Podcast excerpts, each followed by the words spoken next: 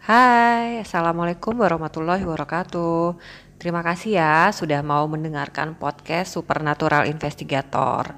Di episode ini dan di episode-episode berikutnya yang akan datang nanti, saya akan menceritakan ulang mengenai kisah-kisah horor yang dialami oleh teman, saudara, kerabat yang ada di sekitar saya. Dan episode ini merupakan pengalaman nyata karena saya adalah saksi hidup yang mengetahui persis kisah ini. Kejadian ini kebetulan dialami oleh adik saya sendiri. Oke, saya akan memulai kisahnya. Episode Istriku bukanlah istriku. Kisah ini terjadi pada medium tahun 2008, sekitar 11 tahun yang lalu. Waktu kejadiannya adalah ketika adik saya Tara tengah hamil anak pertama. Jadi adik saya ini sejak lulus SMA ia sekolah dan hidup di Jakarta sendirian. Sedangkan saya dan ibu tinggal di Surabaya. Setelah menikah dan hamil kira-kira usia 4 bulan, Tara dan suami memutuskan untuk pindah ke Surabaya dan tinggal bersama ibu. Menjelang hari kedatangan Tara, ibu dan mbak-mbak yang biasa membantu di rumah sibuk membersihkan kamar serta mempersiapkan segala sesuatunya. Jadi, rumah ibu ini adalah rumah dengan bangunan yang berlantai dua. Di lantai pertama ada dua kamar yang sama-sama terletak di ujung rumah. Kamar pertama berada di ujung bagian kiri rumah dan berada dekat dengan garasi. Sedangkan kamar yang satu lagi memiliki ukuran lebih besar dari kamar yang ada di dekat garasi. Letak kamar yang besar ini berada di ujung rumah bagian sebelah kanan dan memiliki akses langsung ke taman belakang. Dan di kamar inilah nantinya Tara akan tinggal. Taman belakang rumah ibu ditanami banyak pepohonan dan sangat rimbun. Ada pohon palem botol yang tingginya kurang lebih hampir menyamai tinggi rumah. Kemudian ada jambu air, ada sawo, ada kamboja dan kolam kecil yang dihuni oleh beberapa ikan dan kura-kura. Seminggu pertama Tara mendiami rumah, euforia terasa karena rumah menjadi ramai dengan kehadiran ia dan suaminya. Karena biasanya hari-hari di rumah tersebut hanya dihuni ibu dan beberapa asisten yang biasa bantu-bantu. Dan saya, saya hanya beberapa kali datang menengok ibu dalam seminggu. Ya, bisa tiga atau empat kali saya mampir melihat keadaan ibu. Minggu ketiga, tepatnya sore menjelang maghrib, Tara minta tolong kepada Pak Kebun untuk membersihkan kolam. Ketika membersihkan kolam, Tara melihat ada ikan aneh. Bentuknya kecil, berwarna hitam, memiliki sirip bergerigi tajam. Dibilang aneh karena spesiesnya tidak lumrah. Dan terjadilah dialog sore itu antara Pak Kebun dengan Tara.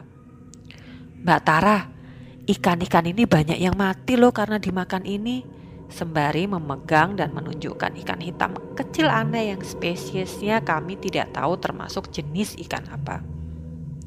Masa sih pak? Dia kan kecil, kok bisa makan ikan-ikan yang ukurannya lebih besar dari badannya? Iya mbak, jadi ikan-ikan di kolam itu habis digigitin terus sama ikan kecil ini. Lalu kalau sudah mati, itu badannya dikerokotin sampai habis. Jawab Pak Kebun dengan logat Surabaya yang kental.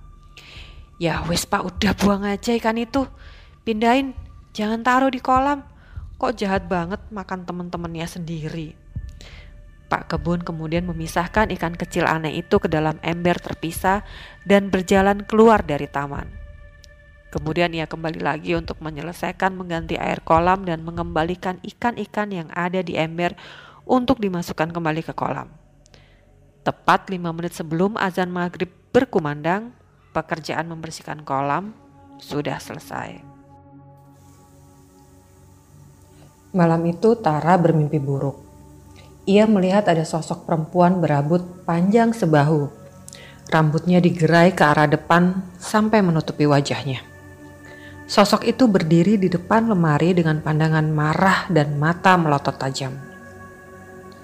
Kemudian antara sadar dan tidak, Tara melihat perempuan tadi melesat dan tiba-tiba sudah berada di balik selimut Tara. Dan kemudian mencekiknya. Tara berteriak. Mendengar Tara berteriak dalam tidurnya, suami Tara membangunkan Tara. Yang, yang, Ada apa? Yang, kamu mimpi apa yang? Yang, bangun yang. Kemudian Tara terbangun dan dengan ekspresi ketakutan, Tara menceritakan kepada suaminya mengenai mimpi tadi. Semenjak mimpi itu, ada beberapa keanehan terjadi pada diri Tara.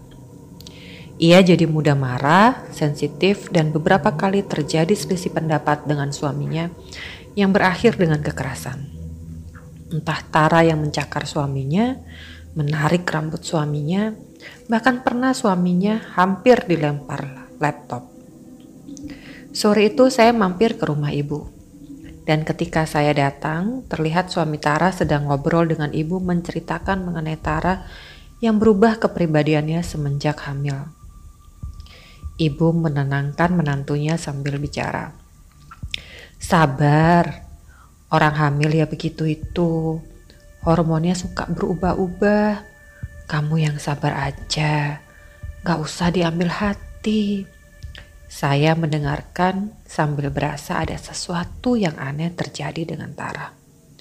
Sampai kemudian terjadi sebuah peristiwa di malam itu.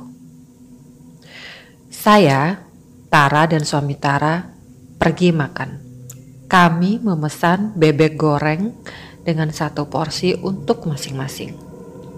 Tak lama kemudian Tara memanggil pelayan dan minta untuk disiapkan dua porsi lagi bebek sekaligus dengan nasinya. Sembari tersenyum, saya menggodanya. Kamu kayak gak makan satu tahun aja, kelihatan lapar banget. Dan dibalas dengan senyum simpul oleh Tara. Setelah menyelesaikan makanan, kami bergegas pulang. Di tengah perjalanan di dalam mobil tiba-tiba Tara menunduk dan kemudian menangis sejadi-jadinya. Ia berteriak di dalam mobil sambil menarik kepala suaminya dan menghentakkan kepalanya ke arah jendela. Melihat Tara seperti itu, saya dalam hati bergumam, nggak beres ini. Dengan ada suara tegas saya minta suami Tara untuk mengabaikan Tara dan fokus menyetir pulang. Udah, kamu nyetir pulang, fokus nyetir di depan. Gimana caranya kita mesti cepat sampai di rumah. Di dalam mobil kejadiannya tegang. Bayangkan saja kalian berada di satu mobil dengan orang yang tengah kerasukan. Dan sepertinya suami Tara tidak menyadari bahwa Tara malam ini bukanlah Tara istrinya. Sesampai di rumah, ibu menyambut kami dengan tergopoh-gopoh. Buruan bawa ke kamar mama aja. Tara dibopong ke kamar ibu yang ada di lantai dua. Saya memisahkan diri dan mencari spot duduk untuk melakukan sambungan telepon ke seorang kawan. Saya cari nama Mas Imam di dalam kontak HP saya dan kemudian saya tekan tombol calling. Assalamualaikum. Waalaikumsalam warahmatullahi wabarakatuh. Mas, ini adikku kayaknya ada yang aneh deh. Kayak bukan dirinya. Aku mesti gimana ini? Kamu di mana? Aku susulin ke situ. Kebetulan ini baru selesai istighosa. Lagi di rumah ibu, Mas. Oke, 20 menit lagi aku sampai. Tungguin. 20 menit kemudian kawan saya Mas Imam datang bersama tiga orang temannya. Setelah berdoa, mereka menghampiri Tara. Mas Imam berbisik kepada saya. Ambilin mukena. Pasangin ke Tara. Kemudian saya memasangkan mukena ke Tara. Dan dilakukan prosesi membersihkan serta mengeluarkan sosok yang mengaku bernama Martini. Saya duduk menyaksikan dan ikut mendengarkan obrolan mereka. Setelah hampir kurang lebih 30 menit, akhirnya Tara sadar dengan ekspresi kelelahan. Mas Imam menyampaikan kepada saya, adik kamu ini peka. Dia sebelumnya apa nggak pernah tinggal di rumah ini? Kemudian saya menjawab, iya mas benar. Sebelum pindah ke Jakarta, dia tinggal di rumah depan. Itu saya menunjuk satu rumah yang terletak berseberangan persis dengan rumah yang saat ini didiami oleh ibu. Dulu waktu rumah ini dibangun dan jadi, Tara kan sudah ada di Jakarta, Mas. Jadi belum pernah tinggal di sini sampai kemudian beberapa minggu lalu dia datang. Oh, pantas. Karena kalau dia penghuni asli sini nggak akan seperti ini ceritanya. Udah gitu adik kamu bunuh mainan anaknya si kuntilanak tadi. Makin marah lah dia. Karena orang hamil kan aromanya menarik buat mereka. Jadi mereka tergoda untuk mendekat. Ditambah ada kejadian membunuh peliharaan mereka. Mas Imam menjelaskan panjang lebar. Terus, terus gimana dong mas? Saya mencari penegasan seakan ingin memastikan bahwa semuanya akan baik-baik saja. Udah gak apa-apa, kamu tenang aja. Udah pergi dia angkat kaki satu keluarga, gak akan ganggu-ganggu lagi. Adik kamu suruh memperbaiki ibadahnya, sholat sama ngaji. Oke? Saya mengangguk. Ya wes aku pulang ya. Saya beranjak mengantarkan Mas Imam dan kawan-kawannya menuju pagar dan berterima kasih kepada mereka karena sudah direpotkan dengan urusan Tara. Jadi kesimpulannya, Martini ini adalah sosok kuntilanak yang mendiami pohon palem yang berada di taman belakang. Ia marah kepada Tara karena Tara telah membunuh mainan anaknya yang berwujud ikan kecil berwarna hitam yang disuruh buang oleh Tara.